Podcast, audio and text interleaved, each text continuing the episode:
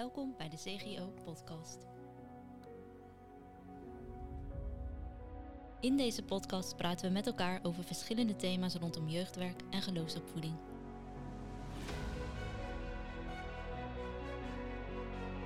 Met elke keer een nieuwe gast, leuke anekdotes en leerzame ideeën. Zo hopen we jou te bemoedigen en te inspireren. Leuk dat je luistert.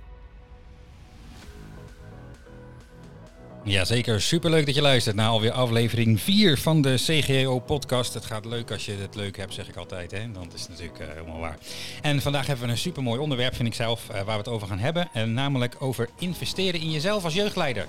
Waarom zou je dat gaan doen? Is dat wel nodig of is dat niet een beetje jammer van je tijd? Omdat je die dag eigenlijk aan je tieners moet besteden of je kinderen of welke leeftijdsgroep je ook maar hebt.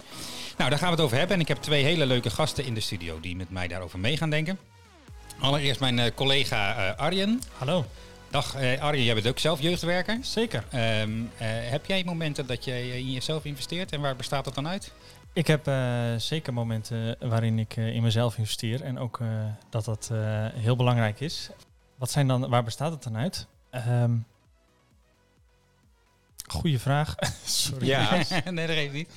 Anders gaan we eerst even naar onze ja. gast van vandaag. En dan denk jij er nog even over na. Dat mag allemaal. Dit wordt ook een soort van live opgenomen. Dus je moet het ook maar net op ja. het goede moment weten te zeggen. Onze Zeker. gast van vandaag is uh, Hans. Hans Sikkema. Welkom Hans. Hi.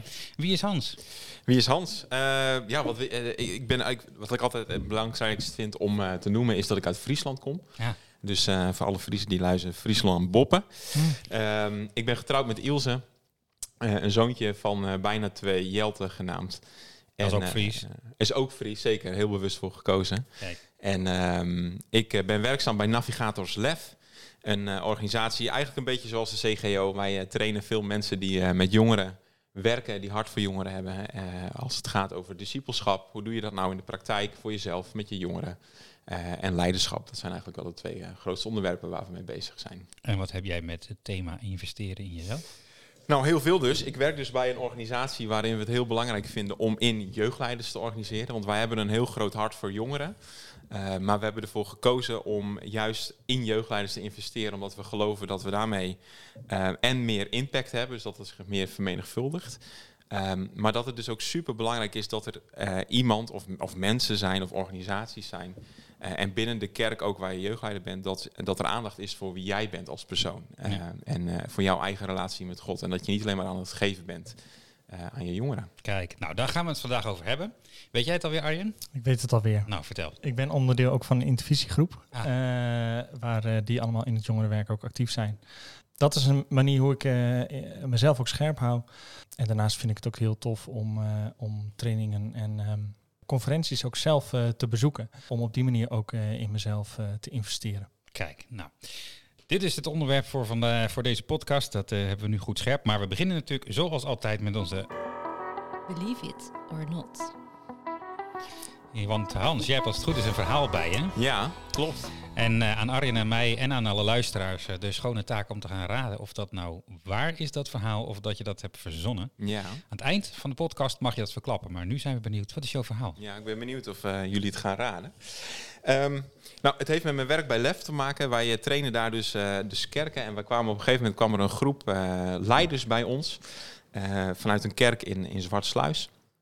En die hadden eigenlijk een hele concrete opdracht van de, van de kerkenraad meegekregen voor de training die ze bij ons gingen volgen. Een soort leertraject van een aantal jaar.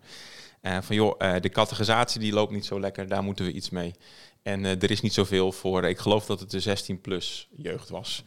Um, en zij kwamen bij ons bij de leertraject en toen ging het eigenlijk heel erg over dit thema. Investeren in jezelf. En het begint eigenlijk ook bij jezelf voordat je iets met je jongeren kunt gaan doen. En uh, dus uh, in het eerste weekend wat zij bij ons volgden, toen hebben ze eigenlijk gedacht, ja weet je wel, die opdracht van de raad, die leggen we even, van de oudste raad, die leggen we even aan de zijkant. Want het gaat in eerste instantie om onszelf, om hoe wij als discipel achter Jezus aangaan. Dus toen hebben ze bedacht om één keer in de twee weken met elkaar samen bij iemand thuis te gaan eten. Elkaar de vraag te stellen op die avond van, joh, hey, wat, wat heb je van God geleerd eigenlijk de afgelopen tijd? En wat ga je er dan ook mee doen? Dus dat was één manier hoe ze op zichzelf uh, investeren. En de tweede was heel iets anders, maar wat ze ook eigenlijk heel belangrijk vonden, was dat ze regelmatig, ik denk, nou ik weet niet, ik denk één keer in de maand, één keer in de zes weken, met elkaar naar de sauna gingen. om eh, niet alleen maar even bezig te zijn, maar om juist even te kunnen ontspannen. En op die manier Mhm. dus ook een stukje te kunnen investeren in jezelf.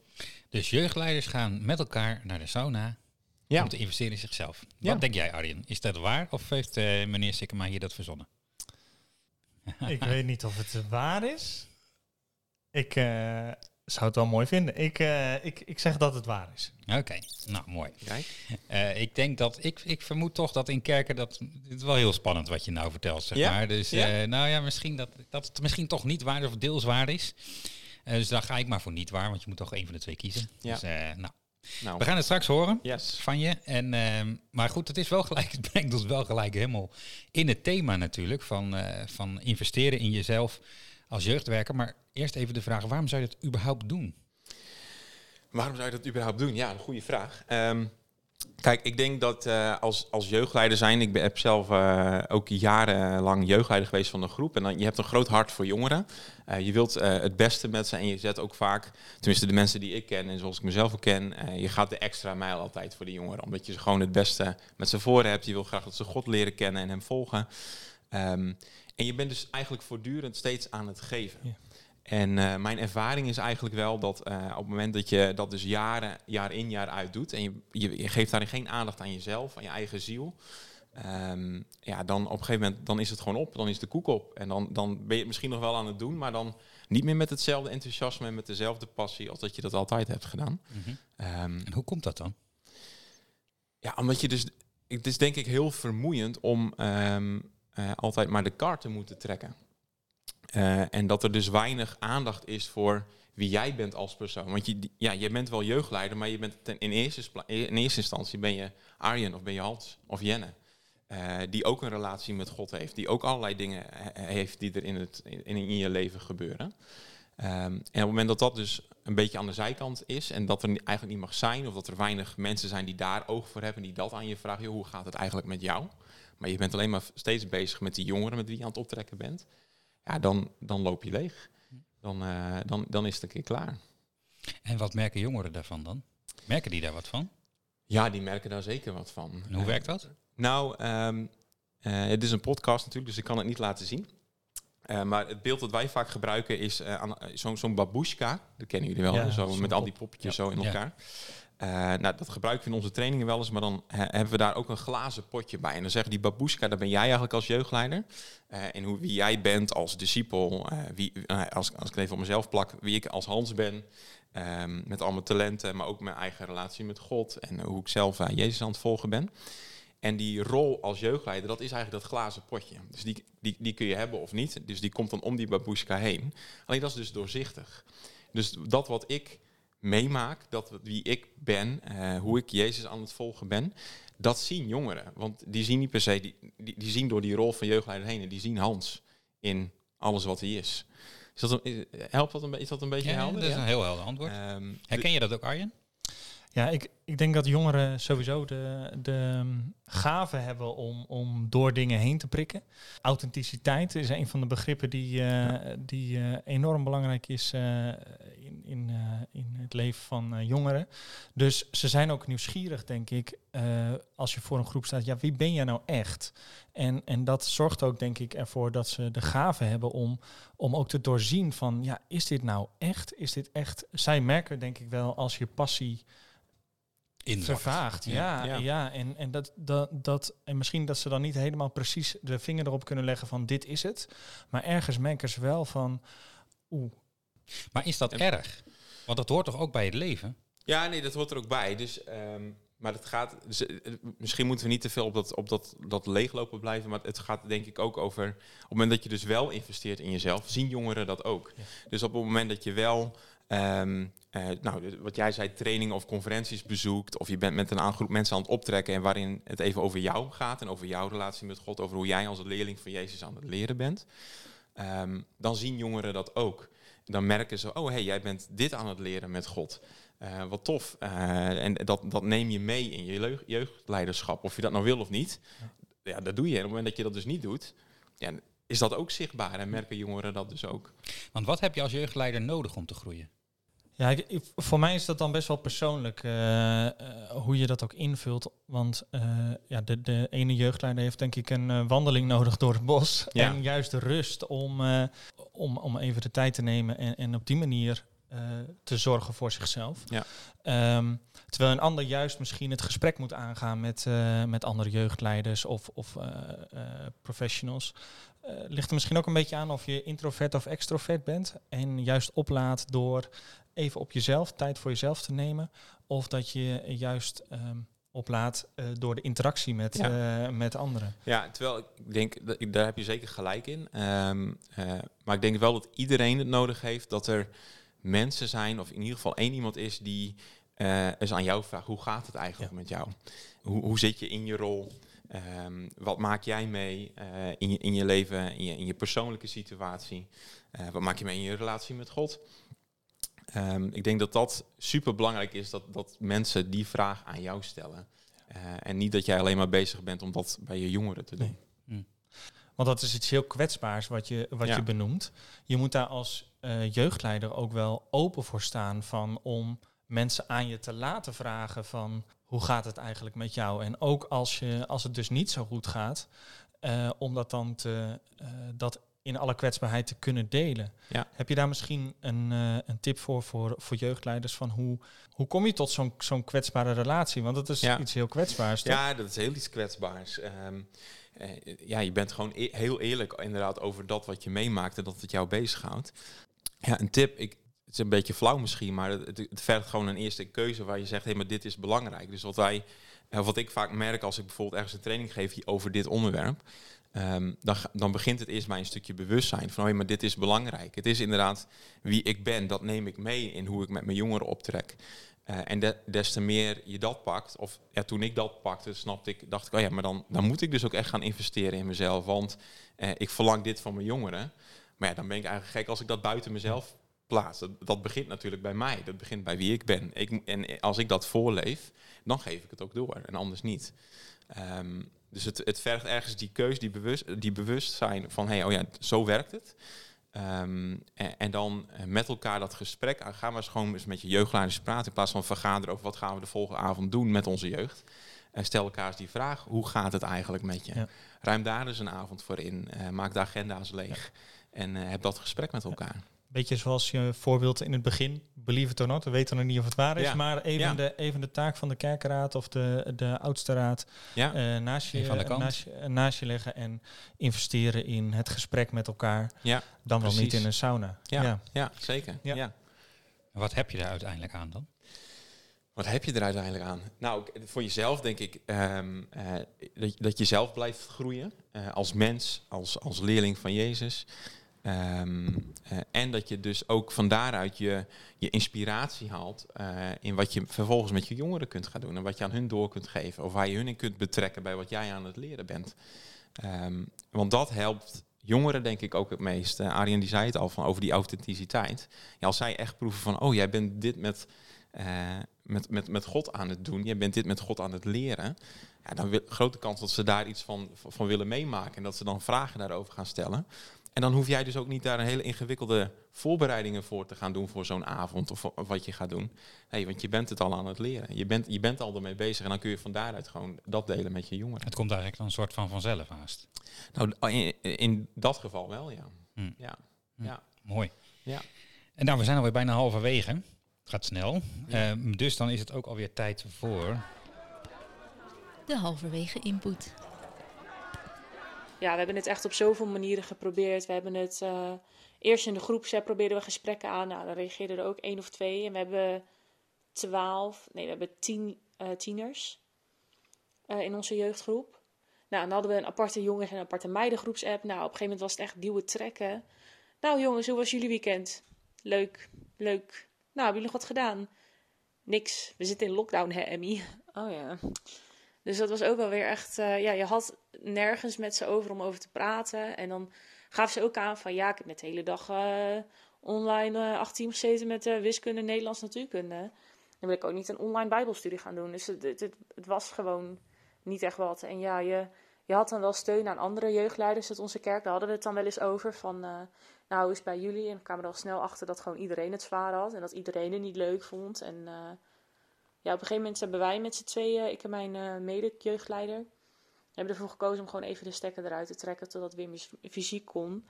Want je moest zoveel dingen doen om, om maar ook maar überhaupt een respons van ze te krijgen. Terwijl ze normaal gesproken eigenlijk altijd door je heen tetteren omdat ze het zo gezellig hebben. Maar dan, hè? En hoe, hoe ga je, wat kun je dan doen? Ja, als we zeg maar de vraag van deze uitzendingen pakken. Ja. Nou, het is in eerste instantie heel herkenbaar. Ik, ik denk dat, um, uh, dat door de lockdown, door corona, uh, eigenlijk dit soort dingen, dus misschien het leeglopen of de, nog dat gevoel hebben van ik moet er echt aan trekken, alleen nog maar versterkt is. En alleen nog maar groter is geworden. Dus het is een heel herkenbaar verhaal, dat in eerste instantie. Ja, en ik, Weet je, ik denk altijd, of ik moet dan altijd denken aan, uh, aan, aan, Jezus zijn aanpak, om het zo maar even te zeggen. Um, uh, Jezus had een grote droom. Hij droomde natuurlijk van dat eigenlijk ieder mens hem zou volgen. Hij keek altijd over de menigte uit, zoals het dan in de Bijbel staat. Um, maar waar koos hij voor? Hij koos ervoor om in twaalf mensen, twaalf discipelen, die trok hij dichterbij. Dus hij begon heel klein. Uh, en ik denk dat dat in dit geval, voor deze casus ook, zou, zou dat ook mijn advies zijn joh, kijk niet misschien naar al je jongeren binnen je groep, want dat is inderdaad best wel lastig als je daar uh, uh, alleen maar online contact mee kunt hebben. En je moet inderdaad weer naast dat, dat al die gasten al de hele tijd online les hebben gehad. En je moet ook nog online jeugdavond volgen. Ja, misschien is dat wel even niet de manier. Maar, maar moet je in het klein beginnen en kies je er twee of drie uit. Waarvan je zegt, joh, uh, jij mag toch bij mij thuis komen. even een negatieve zelftest en kom maar lekker bij me eten. En dan hebben we het aan de keukentafel erover. Ik ken, ik ken jeugdleiders die het op die manier hebben gedaan.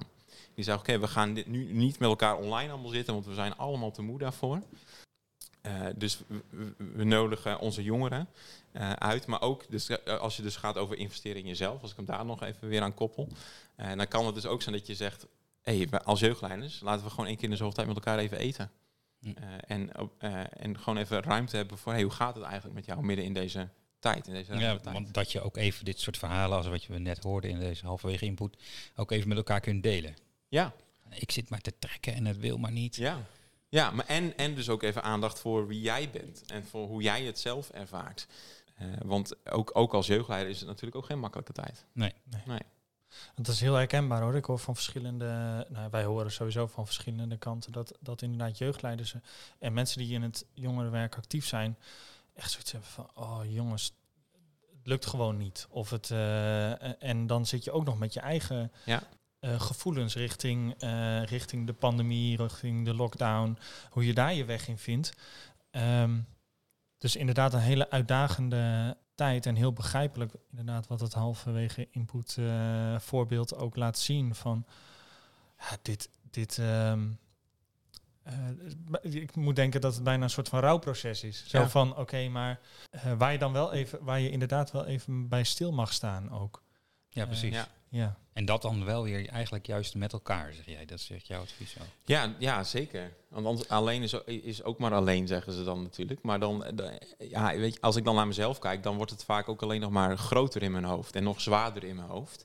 Terwijl als je het kunt delen met elkaar, dan, dan, uh, dan ontstaat er ook ruimte om te zoeken naar, maar waar zit dan wel de hoop en wat is er dan wel mogelijk? Ja. Dat is eigenlijk een soort lotgenotencontact, zou je bijna kunnen zeggen. ja. In zekere Ja, zin. een soort lotgenoot. Ja, je zit in dezelfde schuitje in die zin van je wil Ja. allemaal graag jeugdwerk doen, het kan even niet. En Ja. eh, Ja. tieners denken, hm, alweer online. Ja. Ja. Ja. en dan ontstaat er misschien ook wel de creativiteit om te kijken, nee, maar wat kan er dan wel en hoe Ja. kunnen we dat dan vormgeven? Ja. Ja. Ja, want, Dus, ja. ja, want tegelijkertijd is dat belang juist in die leeftijdscategorie eh, eh, gewoon eh, eh, dat contact is, is zo wezenlijk, zeg maar, dat je, Ja. dat vind ik ook wel mooi aan het voorbeeld wat jij, wat jij schetst van, oké, als het dan te veel is om met je hele jeugdgroep eh, contact en online en ingewikkelde dingen uit te halen, waarom niet ehm, eh, drie jongeren uitkiezen waar je zeg maar in investeert? En waarom niet dan eh, misschien als eh jongerenwerkers eh, binnen een gemeente, dat je het ook binnen een gemeente kan organiseren. Dat je zegt, oké, dit zijn jongeren waar wij contact mee moeten onderhouden.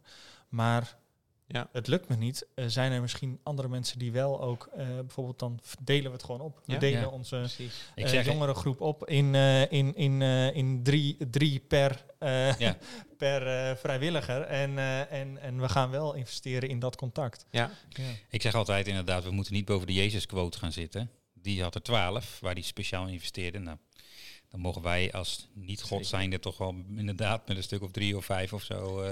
Ja. Is dat volgens mij al eh, heel mooi als je dat redt. Ja. eh, om daar inderdaad speciale aandacht voor te hebben. En eh, zoek dan ook jongeren, dat is mijn, tenminste dat is mijn tip altijd, van die ook waar je iets, een klik mee hebt. Ja. Dus waar je eenzelfde interesse mee hebt of een hobby mee deelt of een zelfde talent hebt of iets dergelijks. Eh, dat maakt het een stuk makkelijker om die band eh, goed te houden. Als je allebei van voetbal houdt, kun je daar gewoon heerlijk ook over zeuren. En geeft dat al vaak een, een ingang voor gesprek.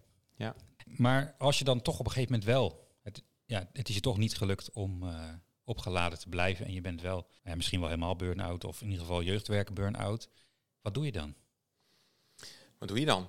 Ja, eh, ik moet zeggen dat ik zelf nog niet per se op dat punt ben gekomen. Ehm, eh, maar ik denk dat het dan wel belangrijk is dat je de moed hebt om dan ook te zeggen, oké, maar dan is het nu even klaar. Dat je ook durft te zeggen van, oké, dan stopt het nu.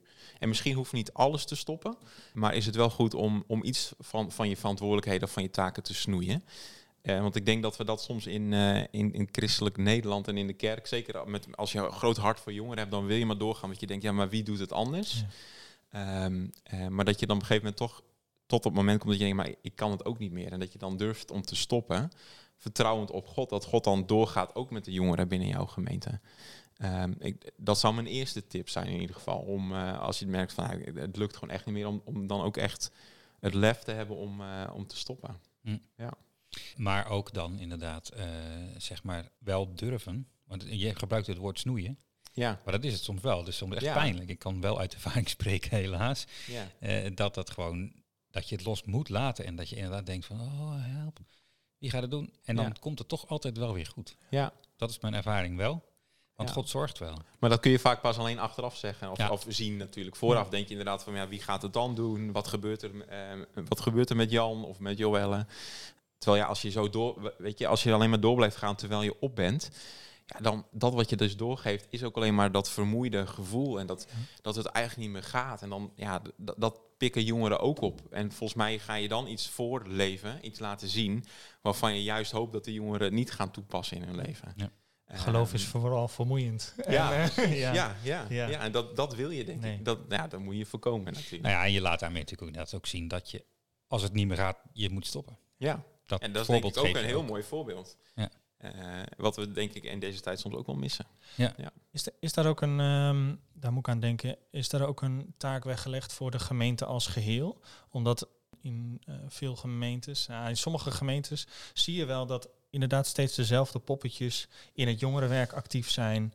Eh, die trekken de kar. Maar ja, op een gegeven moment kan natuurlijk de situatie ontstaan dat, ehm, dat die wel eh, inderdaad op zijn, zoals we het net erover hadden. Is er ook een taak weggelegd voor de gemeente als geheel of, of eh, de oudste raad of kerkenraad om daar zicht op te hebben? Of, Ja, denk het wel. Ik moet denken aan eh, wat ik vanochtend van een collega hoor- hoorde. Die, was, die gaf onlangs een training ergens in het land. En daar kwam, ging het eigenlijk heel erg over dit thema. En de jeugdleiders eigenlijk zeiden, joh, we, ja, we, zijn allemaal eigenlijk eh, vol in de stress. Eh, het lukt ons eigenlijk niet meer. We zijn, nou, we zijn nog niet helemaal op, maar het gaat wel echt verdacht eh, veel die kant op. En de voorganger zat erbij en er zat een oudste ook bij op die avond. En dat was een heel eerlijk en kwetsbaar gesprek. Ehm, maar die voorganger realiseerde, die realiseerde zich wel samen met die oudste ook van, oh, maar dit is, dit is serieus. Weet je wel, hier moeten wij iets mee als gemeente. Want dit Ja. is niet alleen maar, dit zijn mensen met wie wij samen gemeente zijn. En die hebben hart voor jongeren. Maar dat betekent niet dat we ze alleen maar aan hun lot over moeten laten. We moeten er iets mee.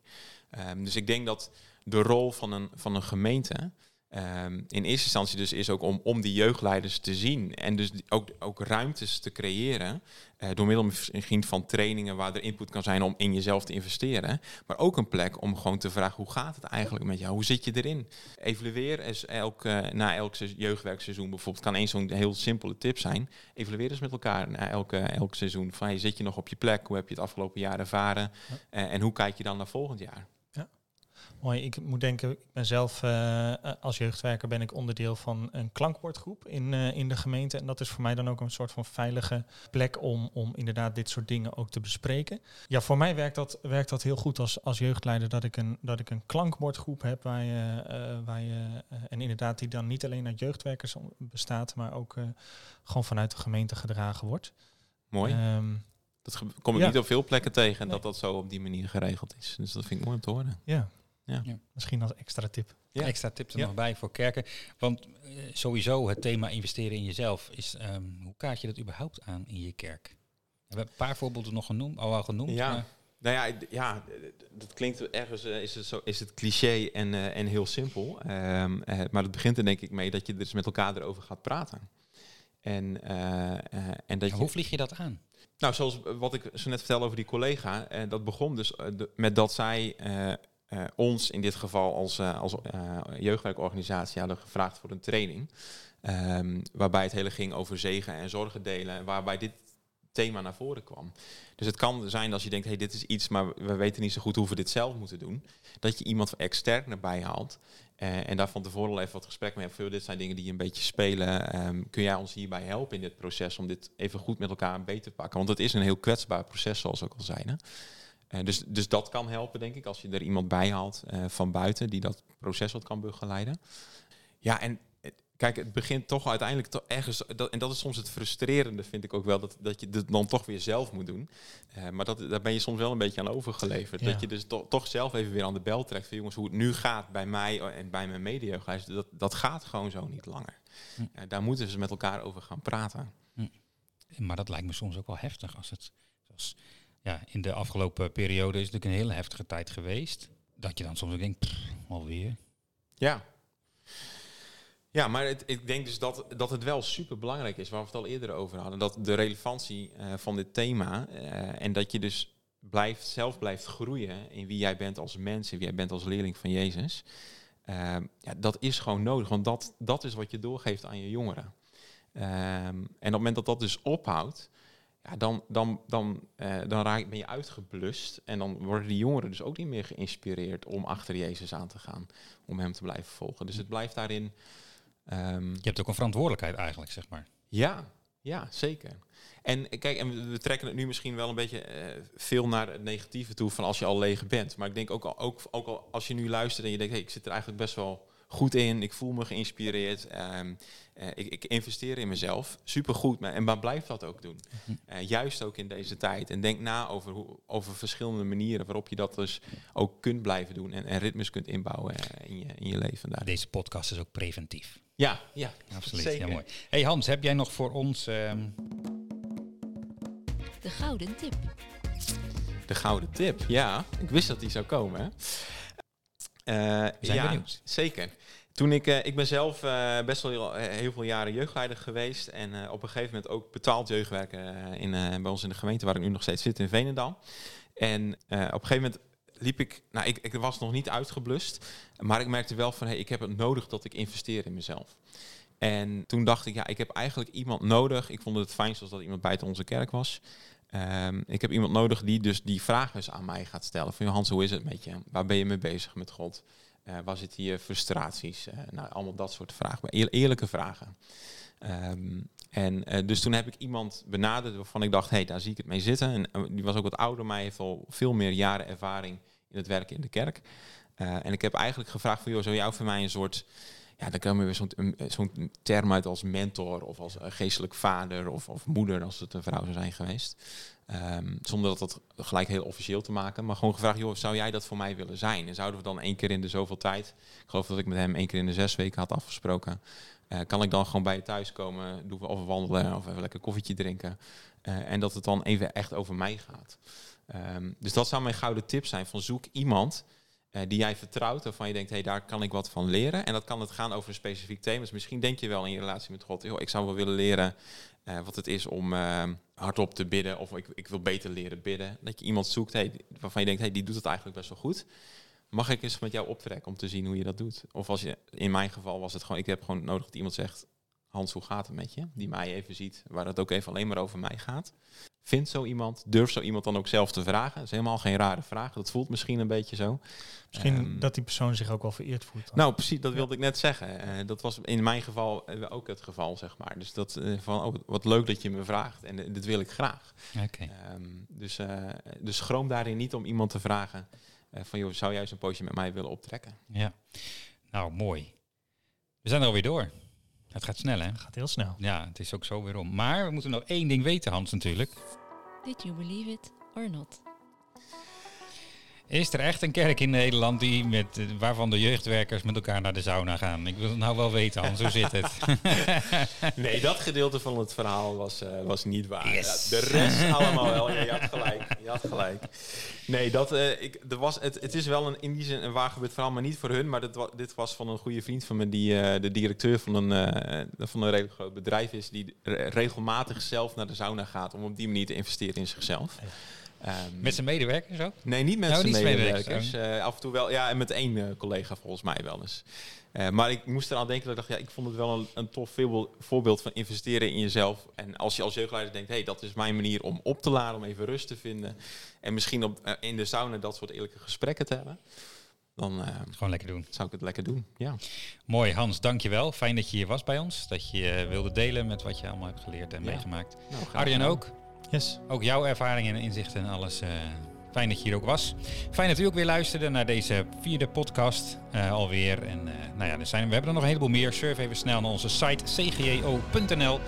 Daar vind je nog ja, een heleboel ondertussen al. Want dit is seizoen 3, maar seizoen 2 en 1 kun je daar ook nog terugvinden. En ook daar zitten heel veel leuke thema's in. En we willen ook nog heel graag seizoen 4 maken. Alleen we hebben een klein probleempje, maar wel vrij eh, relevant. We hebben geen geld meer. Dus ehm, voor de podcast. Dus als u dit nou een eh, fijne podcast vindt en het heeft eh, waardeert wat we doen, nou surf dan even snel naar onze site. Ook, en daar vindt u een kopje helemaal bovenaan.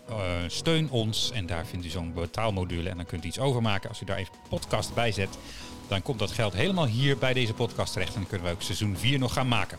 Dus dat zou heel tof zijn. Dank u wel alvast eh, bij voorbaat ook daarvoor. Nou, fijn dat u luisterde, fijn dat u weer bij was. En ik zou zeggen, graag tot een volgende keer. Hoi!